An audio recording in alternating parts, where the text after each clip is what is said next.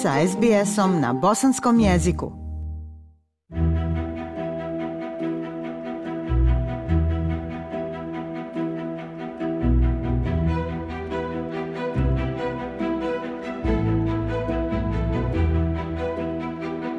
Slušate program SBS radija na bosanskom. Svjetsko prvenstvo u futbalu počinje sutra a navijači australske reprezentacije već su otišli u Katar na prvenstvo kako do sada nije viđeno. Alkohol će biti dostupan samo na odabranim mjestima, a njegova cijena daleko je od jeftine. I dok se od navijača traži da poštuju lokalne običaje i kulturu, izvršni direktor FIFA je rekao za SBS News da navijači koji žele podržati prava homoseksualaca, mašući zastavama s duginim bojama u Kataru, da će to moći i učiniti. Prilog Bena Luisa. Kada se navijači Sokerosa u Dohi požele raskladiti uz pivo, postoji nekoliko mjesta na kojima će ga moći nabaviti. Fifin navijački festival je veliko mjesto, ali tokom dana veoma je vruće. Alkohol će se služiti samo uveče.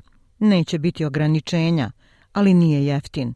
Sa 50 katarskih rijala po čaši to je više od 20 australskih dolara, ali organizatori kažu da su cijene u skladu s drugim međunarodnim događajima.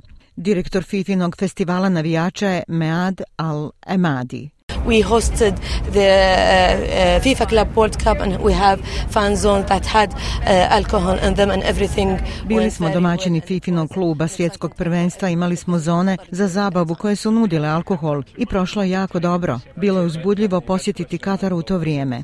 Dakle, ljudi koji bi previše pili neće biti odvedeni na posebna mjesta. To je to. Imali ste svoje pitanje o alkoholu, dobili ste odgovor. Iako je sastavni dio iskustva za neke ljubitelje futbala, konzumacija alkohola je izuzetno ograničena u Kataru i uvreda je piti ili biti pijan na javnim mjestima. Ali pravila su donekle opuštenija kako bi se prilagodila Budweiserovom ugovoru o sponzorstvu od 75 miliona dolara za svjetsko prvenstvo. Detalje o takozvanim pijanim rezervoarima za fanove kako bi se osvježili i otrijeznili ostaju nejasni. Šef iskustvenog marketinga FIFA je Jardine Lindhout. Um, there are specific steps uh, that are being planned by the security service.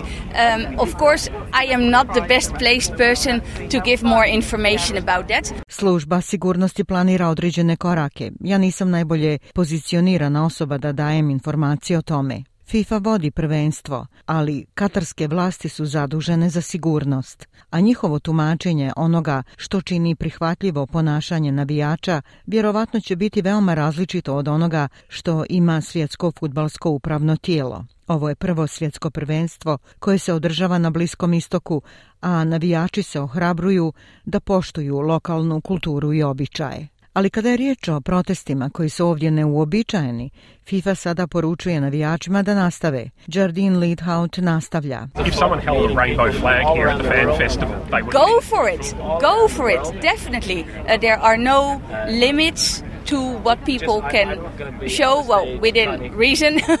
Uh, Ako neko zaista želi nositi zastavu s duginim uh, bojama ovdje na festivalu navijača, samo naprijed, samo naprijed, definitivno.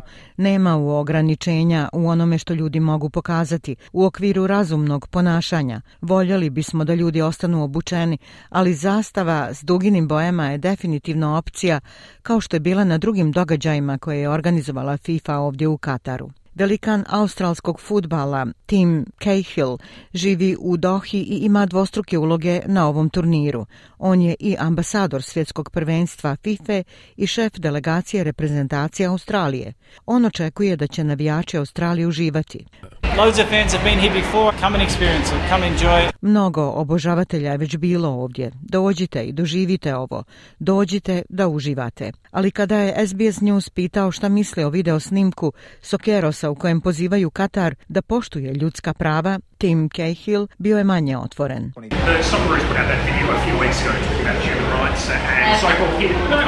Sokeros su objavili taj video prije nekoliko sedmica govoreći o ljudskim pravima.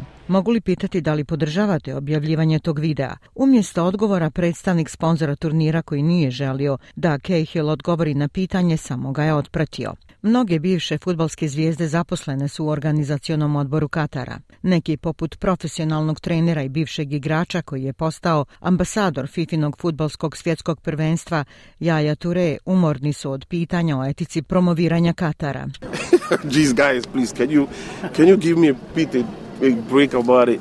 This I don't want to comment on that because it's so complicated, please. Bože momci, možete li malo popustiti o tome?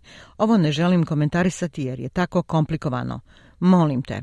A nije svima tako komplikovano. Holandski menadžer Louis van Hal kaže da Katar ne bi trebao biti domaćin svjetskog prvenstva. On podržava fanove koji to bojkotuju.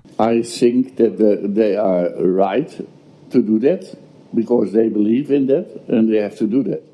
Mislim da su u pravu to što rade, jer vjeruju u to i moraju to učiniti, tako da nemam problema s tim. Pitanja odluci da se ovoj državi dodjeli prvenstvo ne nestaju, čak i kada smo na pragu njegovog početka. Ja sam Aisha Hadži Ahmetović. Ostanite uz program SBS radija na bosanskom jeziku. Like, share, comment. Pratite SBS Bosnian na Facebooku.